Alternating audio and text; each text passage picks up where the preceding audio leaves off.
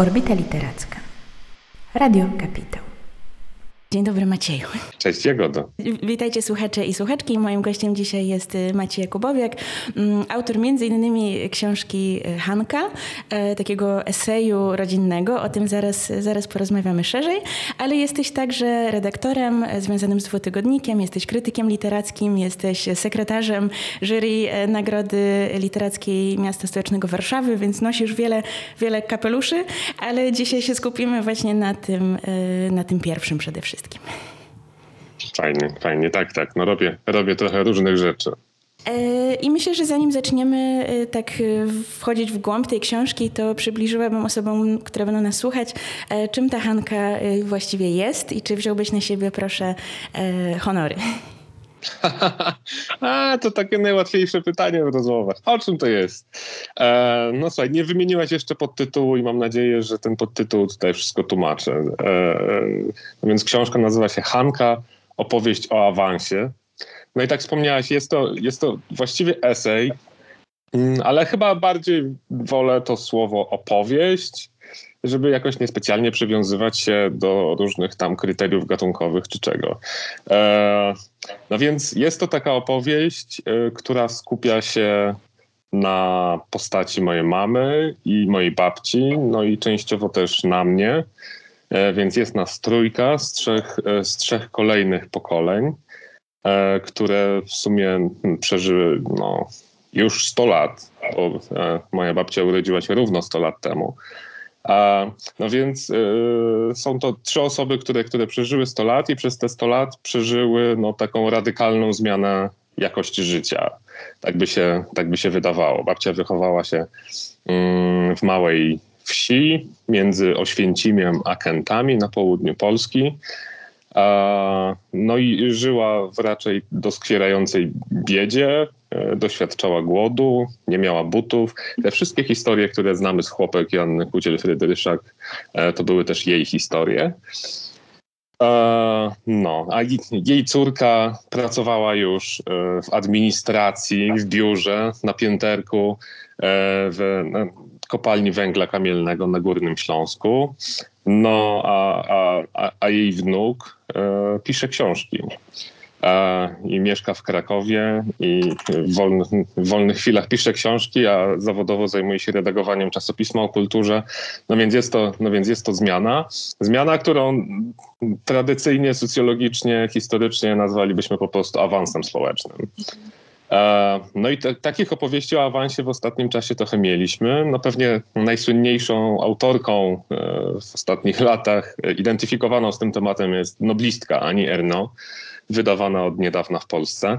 No ale był słynny powrót do Rem, Didiera Ribona, były książki Eduarda e, Louis wydawane przez pauzę. Ribon przez charakter, Erno przez czarne, żeby to już zaznaczyć, E, było kilka jakichś prób e, zahaczenia o ten temat. Ostatecznie ostatni rozdział Chłopek trochę, trochę, trochę zahacza o te kwestie awansowe. Mm, niedawno ukazała się książka, naukowa, naukowa książka Magdy Szcześniak w wydawnictwie krytyki politycznej o doświadczeniu awansu e, PRL-owskiego w latach 50. i 60. Natomiast w tych takich klasycznych literackich opowieściach o awansie no, brakowało mi Mm, no prawdę mówiąc, brakowało mi odpowiedzi na pytanie, jak to wszystko było możliwe, jak to się stało. E, I, i, i czymś takim, czego nie chciałem powielać, i mm, jest kategoria cudu, którą, którą wprowadza na przykład Eribon w powrocie do Rem. On w pewnym momencie zupełnie bez skrępowania pisze: No, jestem cudem. To, co mi się przydarzyło, jest cudem. Nie powinno się przydarzyć, a się przydarzyło. E, chłopak z, z rodziny robotniczej, który zostaje profesorem. E, no więc ja też kiedyś lubiłem tę kategorię cudu, bo to fajnie brzmi, nie? Powiedzieć sobie, że jest się cudem. No a potem zacząłem kombinować, że to jednak nie jest żaden cud. E, I że w sumie to doświadczenie awansu ono było międzypokoleniowe i trwało e, trwało, trwało bardzo długo i zależało od mnóstwa czynników politycznych, historycznych, społecznych, emocjonalnych, kulturalnych też. No i, no i postanowiłem, że ten awans stanie się w mojej książce raczej zagadką. E, i, a, a książka będzie próbą rozwikłania tej zagadki. Na po drodze okazało się, że w gruncie rzeczy awans jest kategorią cokolwiek kłopotliwą, bo niesie w sobie takie założenia, no, z, którymi, z którymi trzeba się skonfrontować e, i no, które nie zawsze są do utrzymania. Mhm. To mnie bardzo ciekawiło właśnie, w jaki sposób ty y, odklejasz się od siebie w tej książce, tak? I jakby demontujesz to, to mam nadzieję, że nie będzie spoiler, w sumie jest to esejem, więc bardziej chyba chodzi o drogę niż o, niż o ten wniosek. Mm, że tak jakby na ten cud w cudzysłowie, pracowały również właśnie te wszystkie konteksty, tak? To, że były przemiany gospodarcze, to, że pojawił się gdzieś klub młodzieżowy, to, że gdzieś, e, nie wiem, zmieniło się podejście do szkolnictwa, że de facto, gdyby, gdybyś funkcjonował w warunkach takich jak twoja babka, to może rzeczywiście można by mówić o cudzie, ale prawdopodobnie to by się w ogóle nie wydarzyło, tak? A w momencie, w którym ten świat trochę się tak zaczął układać w tym kierunku, to byłeś w stanie z tego w jakiś sposób skorzystać i to eksplorować, a teraz trochę nakreślasz tę drogę i wszystkie te poszczególne etapy, więc też e, e, zafascynowały mnie nawet same tytuły rozdziałów. E, to może też opowiedz proszę, proszę o tym. A, no więc tak jak mówiłem, próbowałem, próbowałem rozwikłać tę zagadkę awansu, no bo tę książkę pewnie da się też czytać po prostu e, jako, jako, jako właśnie, no nie wiem, takie zadanie do, do, do, do rozwikłania, nie? takie równanie z kilkoma niewiadomymi. No więc e, pomyślałem sobie, że trzeba będzie pod te niewiadome e, w tym równaniu podłożyć kilka, kilka e, możliwych wartości i sprawdzić, czy te wartości przydawały się e, w tym awansie, czy może e, przeciwnie działały jakoś na jego niekorzyść, nie? I jakby jak ten awans, e, jak ten awans będzie wyglądał w zależności no, od, od, perspektywy, nie? w zależności od tego, hmm, z jakiego punktu widzenia na niego spojrzymy.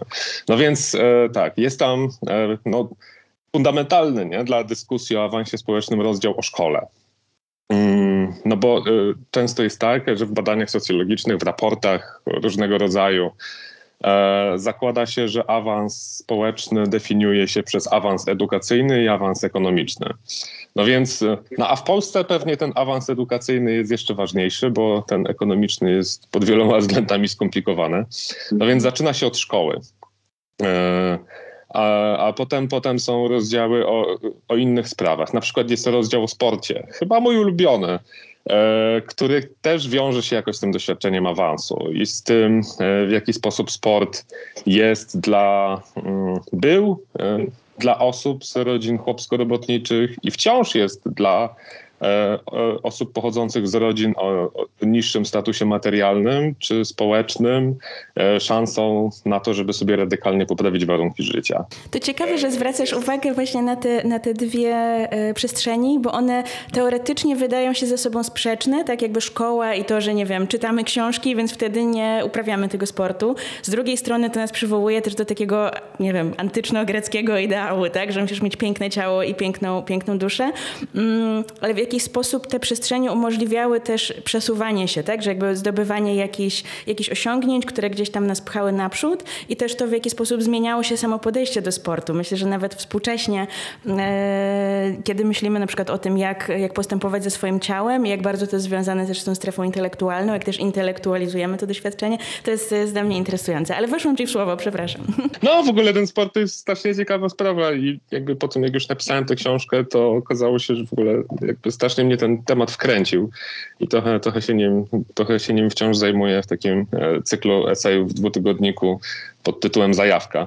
E, natomiast e, ten sport był ważny też z innego powodu, to znaczy takie doświadczenie awansu społecznego w PRL-u e, w latach właśnie 50. i 60., kiedy awans społeczny był właściwie taką dominującą ideologią tamtego państwa, tamtego ustroju. No więc sport był, był jednym z podstawowych mechanizmów, który miał to zapewniać. E, I dzieciaki, dzieciaki z różnych rodzin mm, miały za pomocą sportu poprawiać swoje życie, poprawiać swoje warunki życiowe, więc to, e, więc to wtedy wydawało się takim naturalnym, naturalnym elementem tego wszystkiego. A jeszcze inna sprawa, że taki jeszcze szerszy plan, w którym się ta książka sytuuje, czyli takie nowoczesne, e, modernizacyjne marzenia o poprawie jakości życia, już nie tylko awansie społecznym, ale po prostu poprawie jakości człowieczeństwa w ogóle, że one były super silnie związane ze sportem, bo sport, który, no tak, tak, taki zawodowy sport powiązany, znaczy no nie, no to jest skomplikowane z tym zawodowym, no ale taki nowoczesny sport związany z Igrzyskami Olimpijskimi, które zostały reaktywowane pod koniec XIX wieku, no to on był oparty na takim wyobrażeniu, że człowiek może doskonalić się w nieskończoność i że może poprawiać swoje rekordy, poprawiać swoje osiągi, skakać coraz wyżej, coraz dalej, biegać coraz szybciej. E, no i w gruncie rzeczy, jak dzisiaj transhumaniści różnego rodzaju fantazjują o tym, że człowiek kiedyś przy pomocy technologii stanie się jeszcze doskonalszy, a może nawet nieśmiertelny, e, no to oni kontynuują, kontynuują tę starą sportową fantazję w gruncie rzeczy. Więc, więc dlatego, dlatego sport.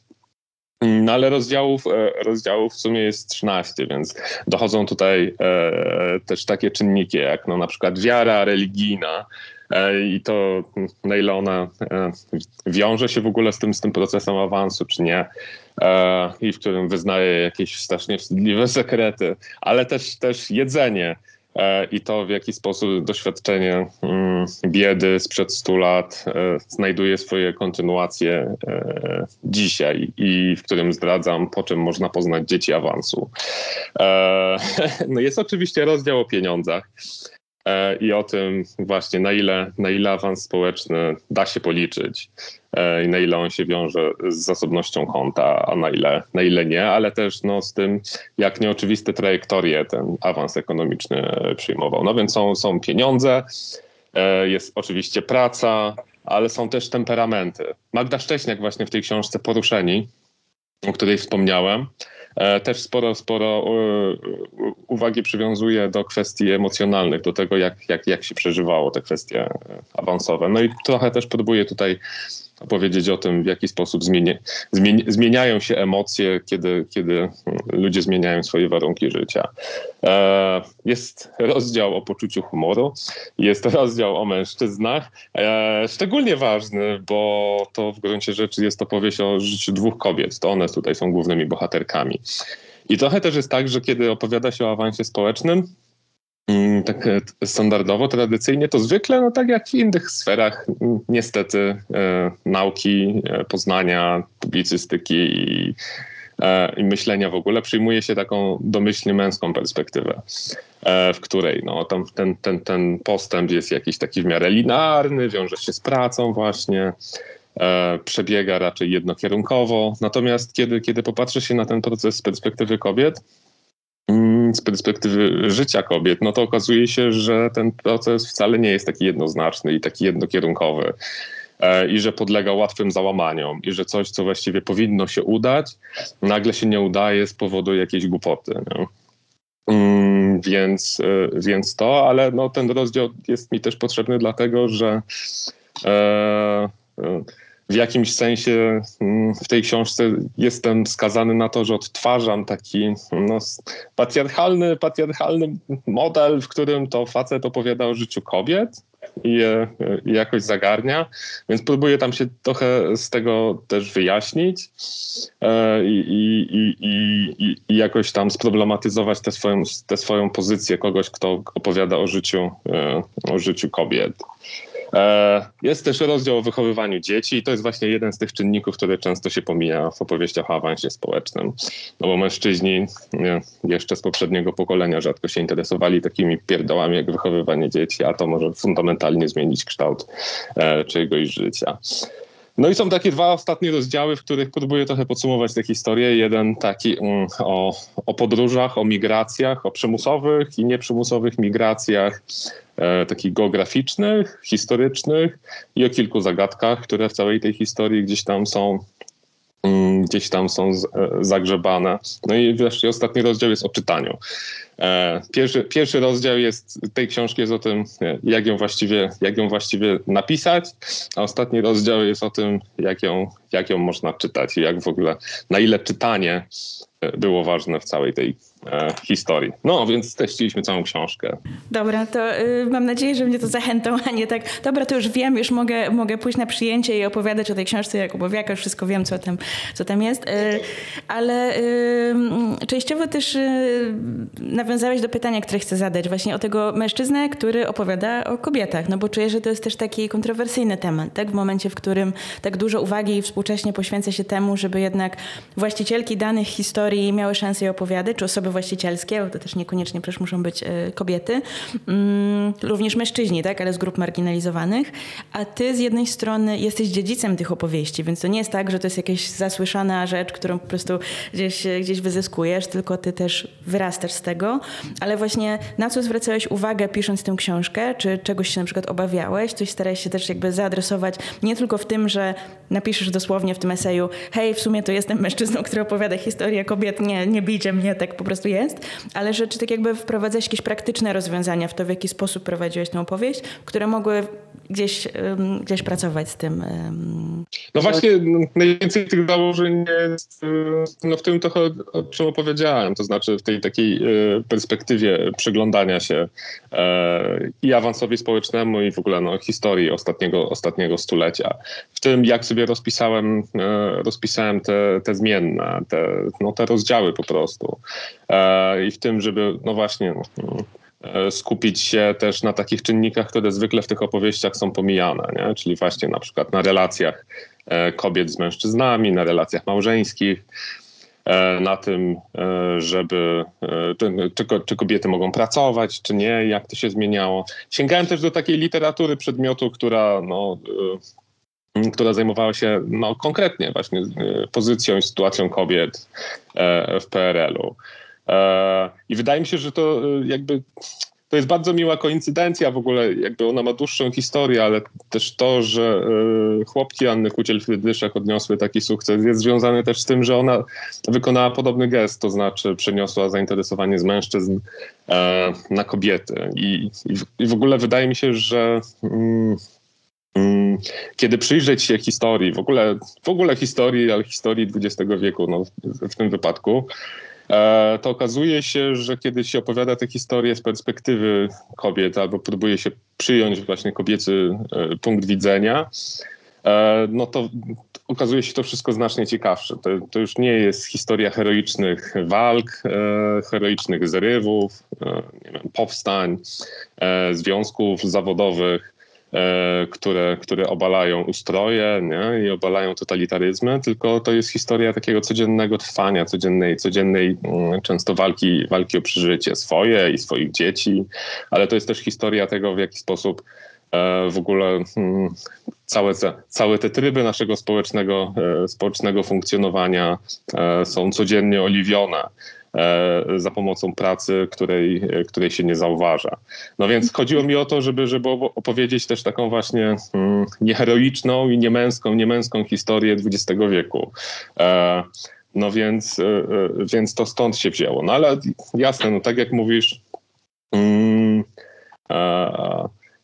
Dzisiaj oczywiście dużo, dużo i bardzo słusznie nie? E, uwagi się poświęca e, temu, żeby, żeby to kobiety mogły opowiadać e, swoje historie.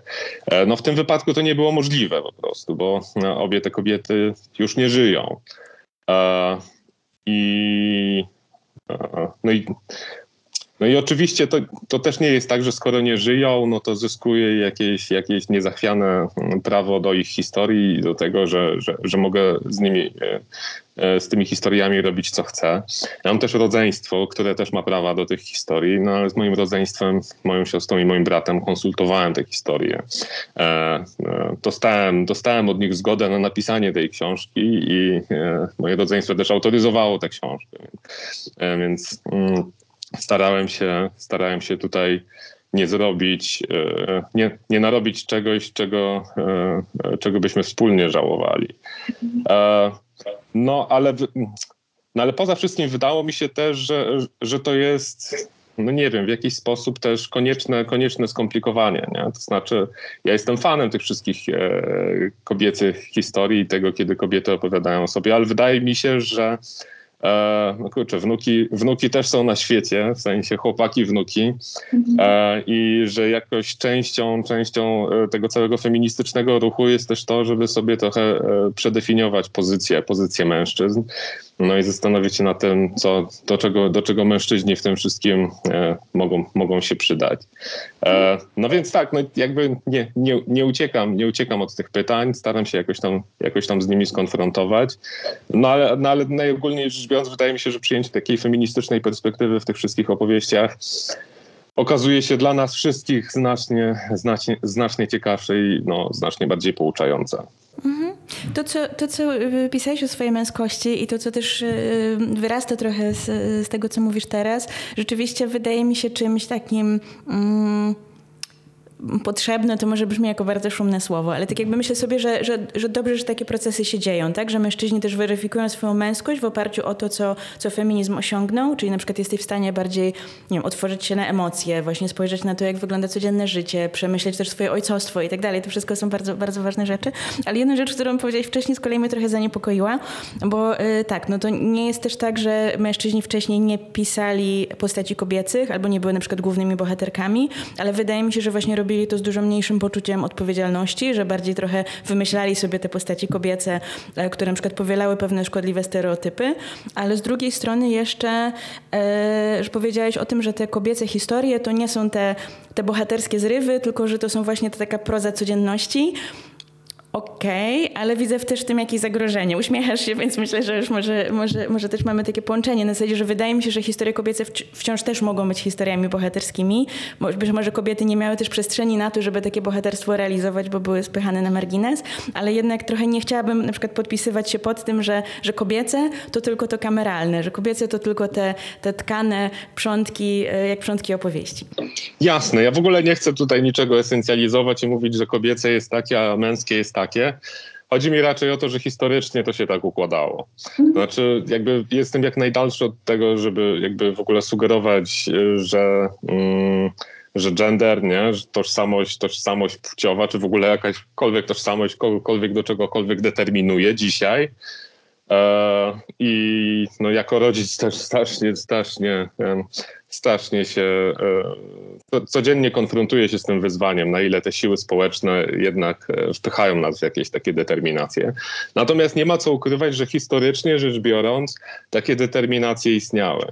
E, I one sprawiały, że mężczyźni, większość mężczyzn coś tam robiła i większość kobiet robiła coś innego. E, I oczywiście to, to, to, nie jest tak, że wszystkie kobiety i wszyscy mężczyźni robili to samo, nie? Natomiast historycznie rzecz biorąc te role, role istniały i funkcjonowały i odgrywały, odgrywały pewną rolę.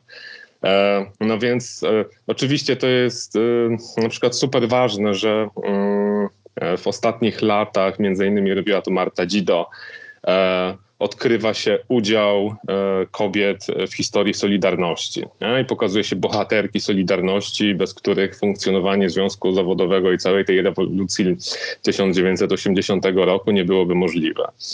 Ale no właśnie w, w, swojej książce próbuje się też upomnieć o te kobiety, które w ogóle się nie zaangażowały w Solidarność, ponieważ nie mogły ponieważ nie chciały, ponieważ miały inne odpowiedzialności. I co ciekawe, e, w e, powieści Ani Cieplak, e, z ubiegłego roku, Ciało Huty, pojawia się, pojawia się podobne napięcie, też związane właśnie z protestami solidarnościowymi. Nie? Z tym, że w pewnym momencie bohater angażuje się w protesty, no i przychodzi do niego żona i mówi, nie możesz już protestować, urodziło nam się dziecko. Nie? No i, no i tak, to, tak to się układało. I E, no i brałem to pod uwagę, nie? brałem to pod uwagę, chociaż wydaje mi się, że mm, kiedy już się to weźmie pod uwagę, to można wtedy zauważyć, że nawet historycznie e, nawet kobiety, które, które wchodziły w swoje, w swoje role, nie do końca się w nich mieściły. Nie? E, I że, że nawet jeżeli próbowały się zmieścić w tych rolach, tak jak, no nie wiem, moja babcia, która no, całkowicie się właściwie zidentyfikowała z taką postacią opiekunki, Mm, rodziny, no to nawet ona nie do końca mm, jakby mieściła się w tych przegródkach. Nie? Czasem, czasem co jakiś czas coś, e, coś wyskakiwało. E, no i kiedy się weźmie pod uwagę też tę determinację i to, że jakby mm, kobiety, społeczeństwo wpycha, wpycha kobiety i mężczyzn w przegródki, Mm, no właśnie, wpycha różne osoby w pewne przegródki, nie? E, e, związane z tożsamościami płciowymi, no to dopiero kiedy weźmie się to pod uwagę, można na przykład docenić to, co właściwie próbowała robić Hanka, mm, czyli moja mama, e, jako dwudziestolatka, kiedy próbowała, zdaje się, że próbowała jakoś wywikłać się z tych, z tych zobowiązań chociaż nigdy w życiu nie identyfikowała się jako feministka. E, I w ogóle nawet takie, takie myślenie e, było, było jej odległe. Raczej, e, raczej chodziło o to, żeby jakoś wygodniej, przyjemniej urządzić sobie życie. Nie? No więc tak. Natomiast to, to, co mówisz, wiąże się z jeszcze jedną, jedną rzeczą. Tak króciutko już powiem, że kiedy, kiedy rozmawiamy o tego rodzaju kwestiach, nie? na przykład o tym, czy, czy w ogóle tożsamości genderowe istnieją, czy nas do czegoś skłaniają, e, zmuszają, czy nie, mm, albo czy e, istnieją hierarchie społeczne i czy istnieje, e, czy, czy w naszych głowach funkcjonuje podział na przykład na zawody lepsze i gorsze, albo na ludzi lepszych i gorszych, no to często w, takiej, w takim obiegu kulturalnym, ludzi wykształconych i oczytanych, E, często jakoś e, związanym no, z przekonaniami albo liberalnymi, albo lewicowymi. Nie pozwalamy sobie na to myślenie. Mówimy, nie, jakie lepsze zawody i gorsze. Każdy zawód jest tak samo godny, e, godny szacunku. Nie? Każda osoba tylko dlatego, że istnieje, jest godna szacunku, ma swoje prawa, ma swoją godność nie? i tak dalej, i tak dalej. Często powtarzamy te hasła i one są słuszne, bo to jest, tak powinno być. Problem polega na tym, że często mówimy jedno, a robimy drugie. I jest tak, że, że mówimy, owszem, owszem, nie każdy zawód jest godny szacunku, ale jak, nie wiem, jak mamy wykształcić swoje dziecko i zachęcić je do pójść do wybrania jakiejś ścieżki zawodowej, no to sorry, ale większość osób, które tak mówi, raczej nie będzie mówiło dziecko, możesz zostać panią sprzątającą. To jest super zawód, wiesz, równie dobry jak profesorka uniwersytetu, nie? Raczej tak nie zrobią. No i teraz... E, jest w tym taka tragiczna sprzeczność, która nie pozwala nam mówić o tym, bo kiedy mówimy tak, tak, każdy zawód jest godny szacunku, to w ogóle jakby uniemożliwiamy sobie dyskusję na temat tego, dlaczego uznajemy, że jeden zawód jest e, godny szacunku, a drugi jakby mniej. Nie? E, I no, to jest też jedno z takich wyzwań, z którymi, z którymi konfrontuję się w tej książce, nie? żeby spróbować opowiedzieć sobie o tym, o czym, czym czasem nie mówimy. Jeżeli mamy e, już wchodzić w nitkę demontowania liberałów, no to też jeżeli przyjmiemy takie założenie, że każdy, każdy zawód jest równy, chociaż żyjemy w rzeczywistości, w której nie jest i tak jakby jeżeli myślimy bańkowo, no to możemy się w tym potwierdzać, ale jeżeli już spojrzymy szerzej, no to ten problem wciąż istnieje, to potencjalnie też możemy się zamykać na rozwiązania, które mogłyby pomóc tym osobom gdzieś przeskoczyć tę magiczną granicę, tak? Że tak jakby nie, mm, nie wspieramy ich, tylko mówimy nie, nie, bo już jakby w tym, w tym punkcie, w punkcie jesteśmy. Ale w sumie chciałabym wrócić bardziej do twojej książki jednak. E, I myślę sobie jeszcze o tym geście, który, który dokonujesz na koniec, że, mm, że te kobiety nie mogą opowiedzieć swojej historii, już ich, już ich z nami nie ma, e, przynajmniej cieleśnie, tak, no bo symbolicznie oczywiście istnieją chociażby w książce.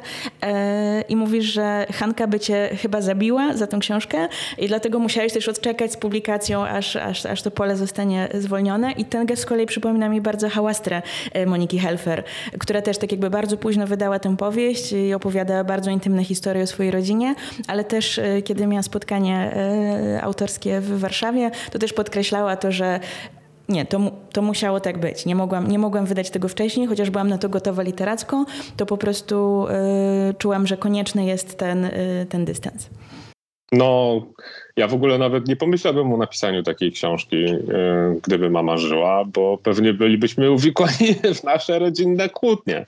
E, I w ogóle nie zyskałbym, nie zyskałbym do tego takiego dystansu, który by pozwalał. W ogóle jest z tego, że, że tu jest jakaś historia, i że, że moja mama jest główną bohaterką tej historii, a nie ja, no to zdałem sobie sprawę dość późno, już właściwie, właściwie no chwilę, chwilę po jej odejściu. E, kiedy, kiedy porządkowałem razem z rodzeństwem jej mieszkanie. I wtedy, wtedy dopiero mnie olśniło coś, co do, to też dlatego, że miałem wtedy 26 lat. No i to jest w ogóle taki moment, kiedy jakby e, ludzie zwykle zaczynają traktować swoich rodziców jak, jak innych ludzi, nie? a nie jako rodziców. Chociaż czasem ten moment nigdy nie nadchodzi, wiadomo. Nie? E, no więc wtedy zdałem sobie sprawę z tego, że moja mama więcej lat przeżyła beze mnie i bez dzieci niż przeżyła z dziećmi. Mm, I że miała swoje własne autonomiczne marzenia e, i że coś tam chciała robić w życiu i że jakoś to się kształtowało, że coś się jej udało, że coś się jej nie udało. Nie? A wtedy też sobie pomyślałem jak, o tym, jakie jej życie mogłoby wyglądać, gdyby, gdyby nie miała nas. Była, była, była e, pomimo e, swoich e, licznych wad i, i, i różnych właściwości, była świetną, świetną mamą, bardzo kochającą i często nam powtarzała, że ona w ogóle nie myśli, nie, nie, nie, w ogóle nawet sobie nie wyobraża, jakby to było, gdyby nas nie było. No ale jak już, jak już dorosłem, to zrozumiałem, że pewnie, że sobie wyobrażała, nieustannie sobie wyobrażała, jakby to było, gdyby nas nie było. Nie? No i te, ten dystans pojawił się, pojawił się e, dopiero, dopiero wtedy. No. E, no i no oczywiście pytanie, pytanie brzmi, czy nawet pomimo tego, że jej nie ma, czy ja mam prawo opowiadać te historie, opowiadać rzeczy, e, w tym też takie rzeczy, którymi pewnie sama nie chciałaby się chwalić.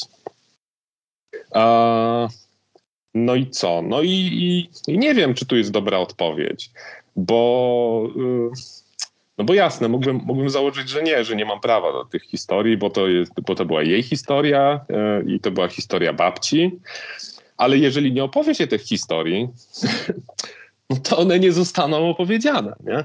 W sensie nigdy, nie, nigdy o tym nie pogadamy. Nigdy nie pogadamy o tych problemach, które, które stoją za tego rodzaju historiami.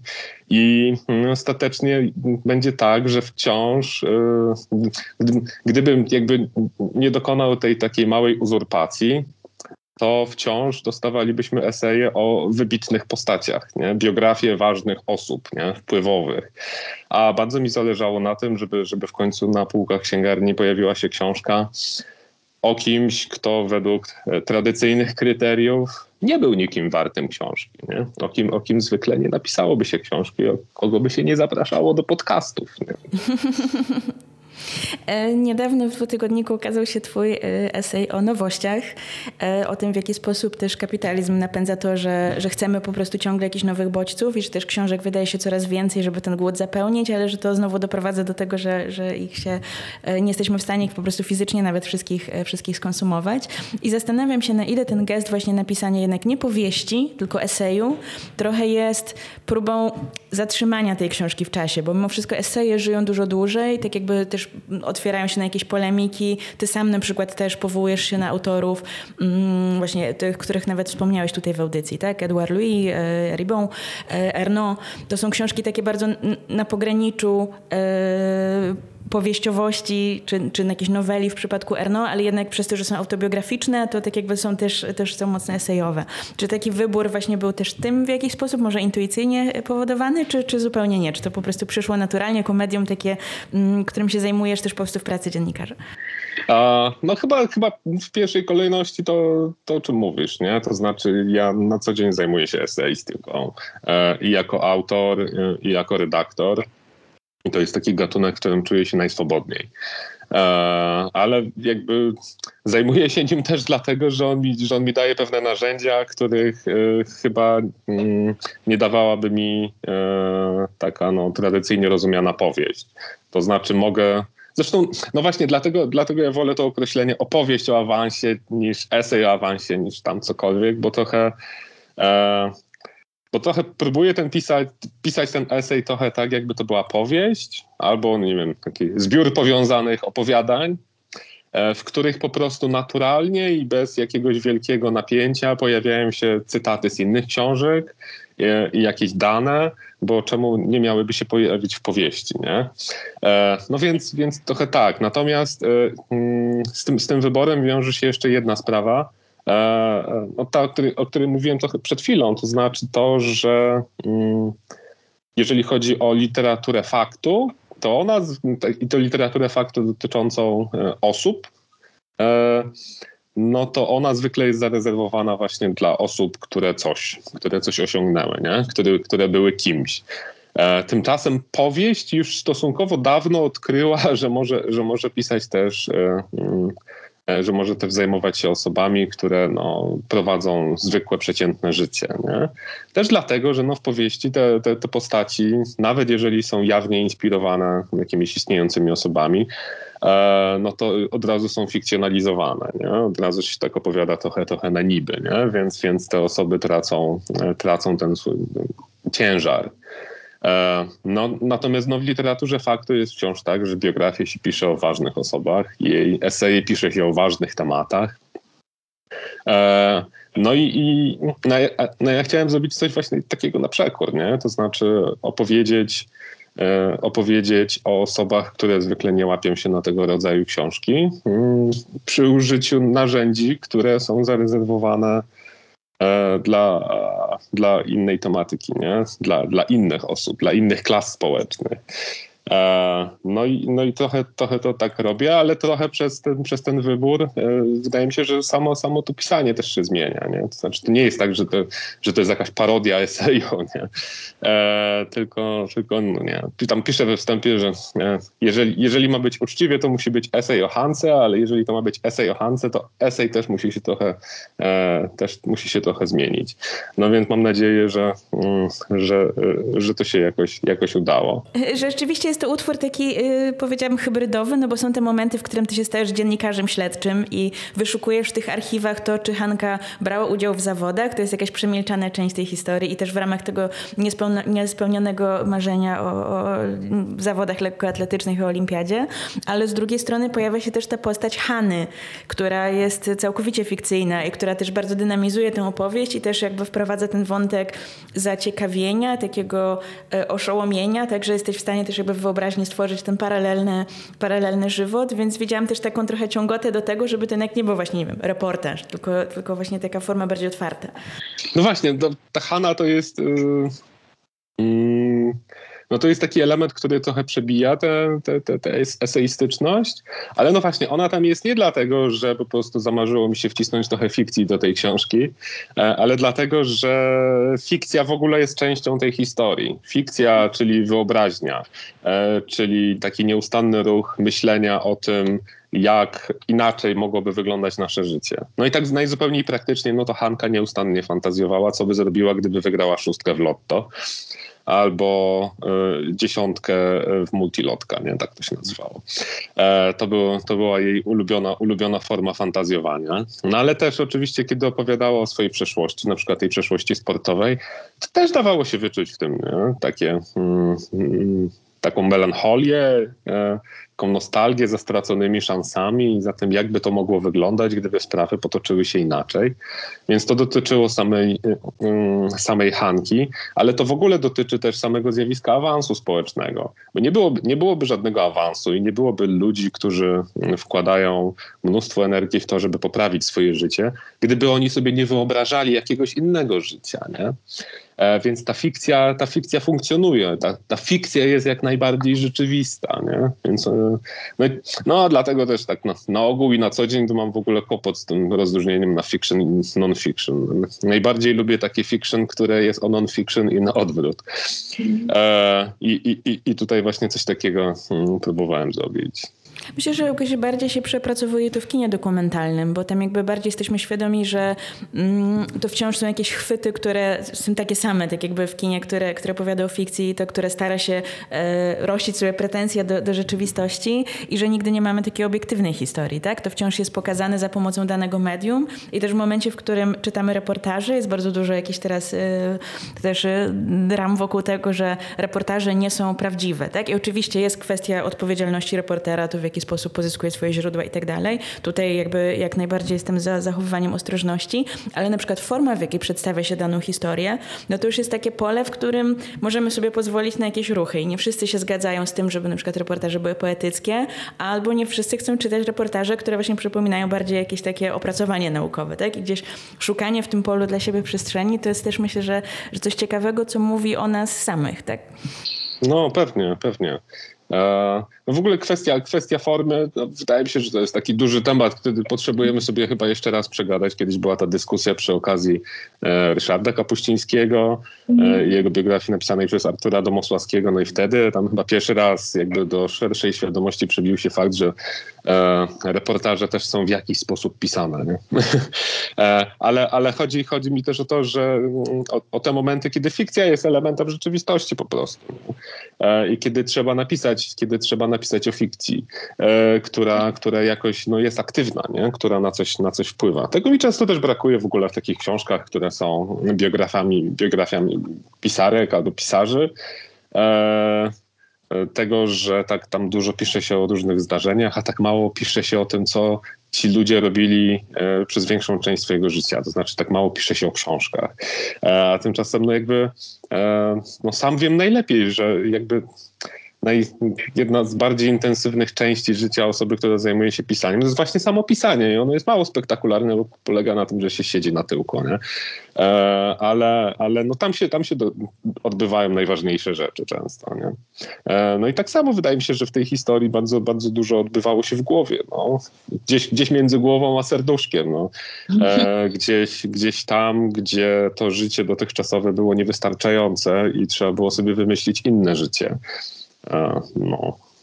Mhm. Wróciłam jeszcze do tego sportu, bo, bo czuję, że tam jeszcze mamy trochę do pogrzebania, mm, bo myślę sobie też o, o polityczności i to też się trochę wiąże z tą kwestią intelektualną. W momencie, w którym y, Hanka i czy twoja babcia y, jakby wkraczały na ścieżkę edukacyjną, ewentualnie na sportową, to mm, rozwój intelektualny wydawał się czymś ryzykownym, no bo wtedy ta inteligencja może sprzeciwić się władzy, więc sport wydaje się czymś bezpiecznym, bo nie ma tej polityczności, ale z drugiej strony, jeżeli y, Hanka jedzie na olimpiadę, to jest reprezentantką Polski. Więc też to w jaki sposób, w jakie dynamiki wchodzi tam, z jakimi państwami będzie walczyć, to wszystko, to jest jednak tam bardzo dużo napięcia. I wydaje mi się, że, mm, że mało się myśli o sporcie też, e, też w takich kategoriach.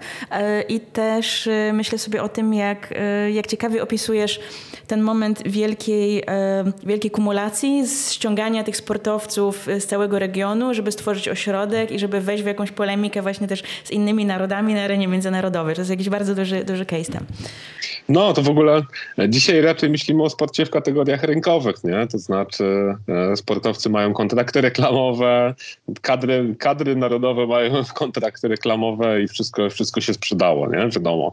E, natomiast rzeczywiście w PRL-u no, no, i no właśnie, nie, w nie tylko w PRL-u i nie tylko w tym e, bloku radzieckim, bo właściwie na całym świecie e, mm, sport był no, strasznie ważnym narzędziem ideologicznym.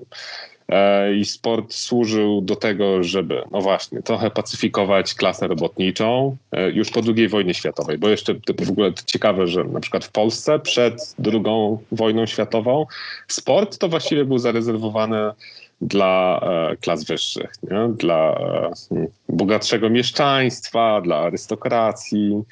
E, a no, chłopi to nie mieli, nie mieli siły, nie? nie mieli czasu ani siły na to, żeby, żeby uprawiać, uprawiać sport. No więc po II wojnie światowej w Polsce sport się stał takim naturalnym wyborem dla władzy, e, żeby, żeby mm, osiągnąć różne cele. No i świetnie, świetnie o tym piszą e, autorzy książki Stadion na peryferiach, właśnie opowiadającej o tym takim powojennym ruchu upowszechniania sportu.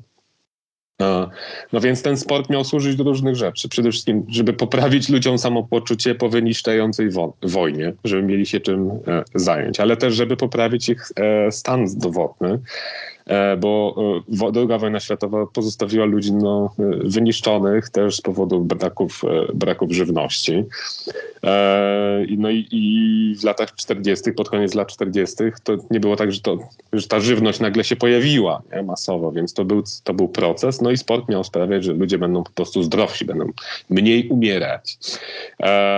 A trzecia sprawa była taka, że ci ludzie mieli nie tylko nie umierać, Mm, ale mieli też e, e, szykować sprawność na zapowiadającą się trzecią wojnę światową, bo wtedy jakby pod koniec lat 40. większość ludzi była przekonana, że e, prędzej czy później ona wybuchnie, że, nawet prędzej, bo tam te napięcia powojenne były bardzo bardzo silne. E, no i wreszcie ten czwarty element był taki, że władza chciała być fajna, tak jak każda władza, tak jak no, za przeproszeniem e, rządy, rządy PO sprzed ośmiu lat, jak budowały orliki, to też chciały być fajne. E, no więc władza chciała, chciała być fajna i, e, i dlatego fundowała ludziom okazję do tego, żeby uprawiali sport, e, żeby no, jakby wytworzyć w nich takie skojarzenie, że władza, która zachęca do tego, żeby pograć w piłkę, to najwyraźniej jest dobra dobra władza, nie? E, taka władza, z którą da się żyć.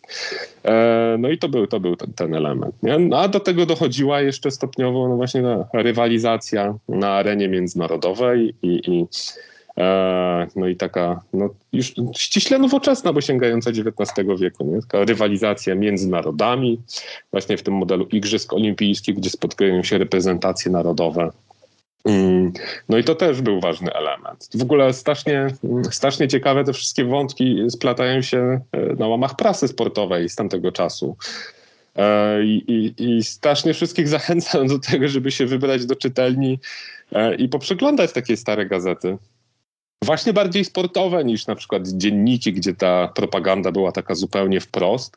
Natomiast w tej prasie sportowej Mm, opowiadano o tych rzeczach no, w taki e, w sposób mniej skrępowany, mniej wprost. I tam no, mieszały się, mieszały się właśnie te wątki takiej rywalizacji między narodami i mierzono na przykład mm, potencjał sportowy poszczególnych krajów. E, I to była wielka rzecz, ale z drugiej strony na przykład pojawiały się, pojawiały się artykuły, w których na poważnie się zastanawiano, czy istnieją w ogóle jakieś limity rozwoju ludzkich e, zdolności. Nie? E, czy, czy kiedyś dojdziemy do ściany, czy jest taki rekord, którego nie da się pobić. No bo jak dotąd historia sportu pokazywała, że nie ma takiego rekordu, więc jak daleko możemy zajść, zastanawiali się autorzy. No i myślę, że wystarczyłoby te E, te fantazje odrobi, odrobinę pociągnąć, żeby dojść do tych fantazji transhumanistycznych, o których wspominałem. Nie? E, więc tam to wszystko, to, wszystko, to wszystko się plątało. No i chyba we współczesnym sporcie trochę dalej tak jest, że się to plącza. Nie? E, kiedy patrzymy na to, jakie emocje wywołuje no nie wiem, polska reprezentacja w piłce nożnej, no to no to widać, że, że to jest bardzo, bardzo złożony splot najróżniejszych rzeczy.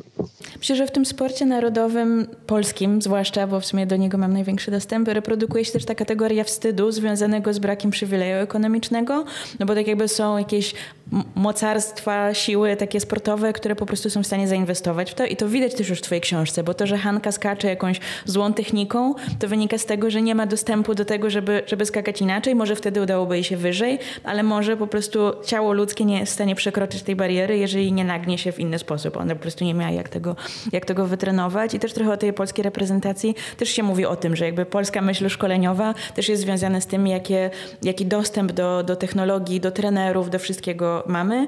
Pewnie już teraz w tym momencie, kiedy też te rzeczy się udostępniają, jeżeli chodzi o internet, jakieś, jakieś metody nowoczesne, to teoretycznie powinno się zbliżać. Może już teraz bardziej jest to o naszej psychice, o takim zawstydzeniu, które już gdzieś, gdzieś w głąb nas y, siadło. Mm, ale że czuję, że to jest takie po prostu przedłużenie tego, jak myślimy o sobie jako o Polakach też, tak? No kurczę, nie wiem, nie wiem, czy to ma związek z narodowym wstydem. E, no w ogóle to była jakby trudna, trudna sytuacja tego polskiego sportu i w ogóle ca całej Polski. Nie? Polska była w trudnej sytuacji po wojnie. E, i, i, przed wojną też. W ogóle no, nieszczęśliwy ten nasz kraj. E, natomiast tam, mm, tam się plątały najróżniejsze rzeczy e, i w kwestii sportu i nawet, no nie wiem, zdobywczyni srebrnego medalu w skoków z wyż na Igrzyskach Olimpijskich w 1960 bodaj roku. E, no ona trenowała skok zresztą korespondencyjnie, to znaczy nie miała, nie miała trenera u siebie, więc wymieniała listy z trenerem e, skądś tam. No dzisiaj pewnie no, pojechałaby. Przez tak. Zuma. Albo zrobiła Zuma. Nie? E, a wtedy, wtedy nie bardzo. Więc to były też kwestie takie no, e, infrastrukturalne, nie? E, techniczne. Inna sprawa, że pewnie mniej trenerów chciało trenować kobiety. Nie? Więc no, w Polsce był tam taki jeden trener, który specjalizował się w skoku wzwyż kobiet. No i to właśnie to jakby on się strasznie frustrował, że, e, że tylko on traktuje to poważnie i że trenerzy nawet na poziomie e, szkół podstawowych źle uczą tego skoku, a jak już źle nauczą raz, to potem dziewczyny nie mogą się e, nauczyć e, prawidłowej, lepszej techniki, no i tkwimy nie? w, tym, w tym impasie. No ale tam, tam mnóstwo, mnóstwo naj, najróżniejszych, najróżniejszych rzeczy się nakładało, natomiast tak wiesz co, tak z tym wstydem jeszcze myślę sobie, że akurat sport to w okresie PRL-u był przeciwieństwem wstydu w Polsce. Znaczy w latach 50., e, 60. polscy lekkoatleci, tworzący tak zwany Wunder Team, byli najlepsi na świecie. Rywalizowali jako równy z równym ze Stanami Zjednoczonymi. E, a w pewnym momencie dwie najszybsze kobiety na świecie to były Polki. I to było niesamowite, bo rekord świata w biegu na 100 metrów, przepraszam, na 200 metrów? O, e, muszę sobie to sprawdzić. E, no więc rekord świata e, w biegu sprinterskim należał egzekwo do dwóch Polek. Do tego stopnia, że Związek Radziecki postanowił doprowadzić do pokątnej dyskwalifikacji jednej z tych biegaczek, żeby mieć jakieś szanse. Nie? Więc akurat no, ze sportu to można wtedy było być dumnym. Nie? Akurat ze sportu, nie? bo z innych rzeczy pewnie mniej. Ale sam to jeszcze muszę cię zapytać o to, sam jesteś hokeistą, widziałam zdjęcia. No, to w ogóle jest taka no, nowa historia i zastanawiam się, na ile ona się wiąże z tym, że właśnie opowiedziałem sobie tę historię mojej mamy i że spędziłem parę tygodni e, w czytelni Akademii Wychowania Fizycznego, ale może, a może trochę to się wiąże z tym, że mm, pozwoliłem sobie w końcu po tych wszystkich latach wrócić do takich marzeń, które e, takich prostych marzeń, które miałem jako, jako kilkuletni chłopiec kiedy wtedy faktycznie no, trenowałem przez, przez chwilkę hokej, a potem kompletnie o tym zapomniałem, a potem jak już związałem swoje życie z humanistyką, to byłem strasznie dumny z tego, że aktywności fizycznej to ja raczej nie. A, a mhm. jeśli już, to nie wiem, jeżdżę na rowerze tylko, żeby, żeby zadbać o formę, ale by, żeby uprawiać jakieś sporty drużynowe, to w ogóle. A hokej? to w ogóle, nie? Jakby nie mieści w ogóle, nie mieści się w ogóle gdzieś tam w wyobraźni, w polskiej wyobraźni kulturalnej, nie?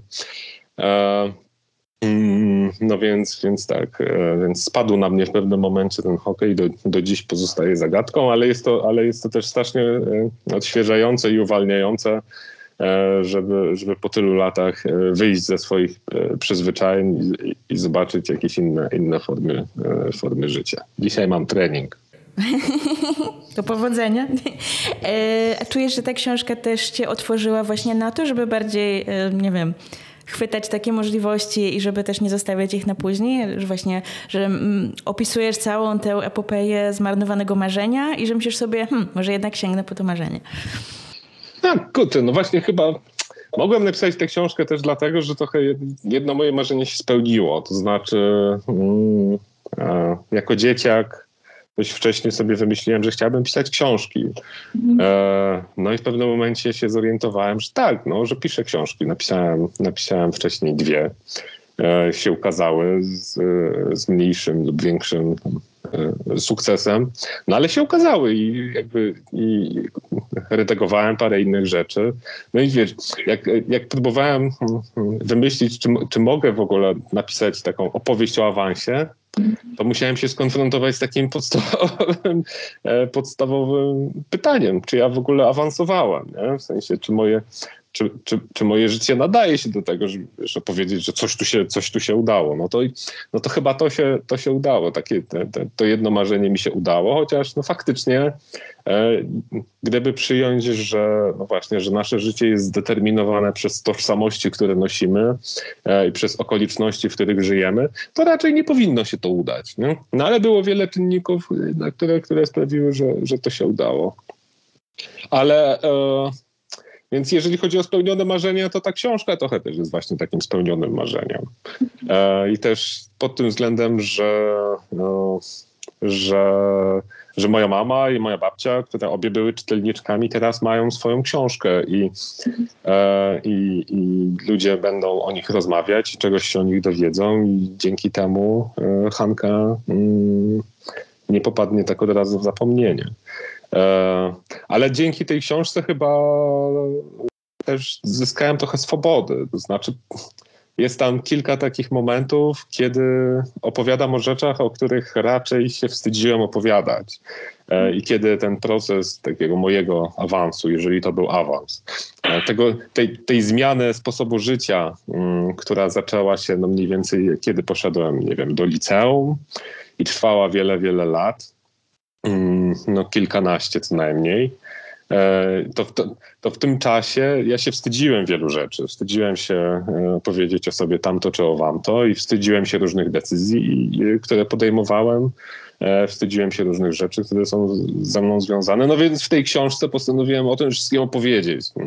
Też dlatego, że zdałem sobie sprawę, nie, nie żeby sobie robić jakiś ego trip kosztem czytelniczek i czytelników, e, tylko dlatego, że zdałem sobie w pewnym momencie sprawę, że za każdym razem, kiedy gdzieś w jakimś tekście, mm, mm, które publikowałem w prasie, e, zdradzałem coś takiego wstydliwego, małego, co gdzieś tam mnie gnębiło, to okazywało się, że mm, że byli ludzie, którzy, e, dla których to było ważne, dla których to było potrzebne, bo mogli powiedzieć: Ej, ja też tak mam.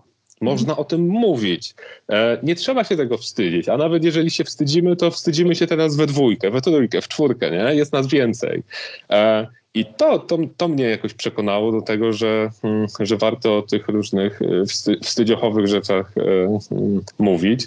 A jak już się o nich powie, to to nie jest tak, że ten wstyd mija, nie? ale jak już się o nich powie, e, to można, można mieć do niego trochę, trochę, trochę więcej swobody.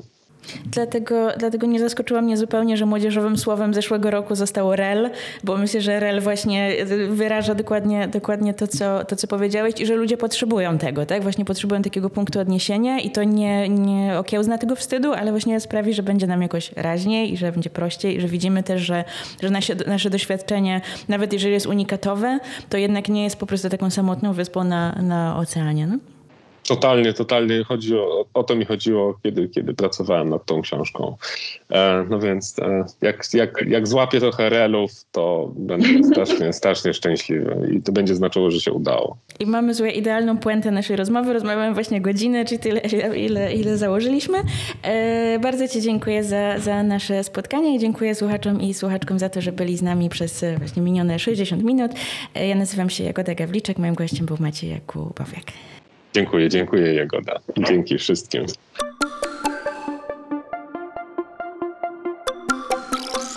Orbita Literacka. Radio Kapitał.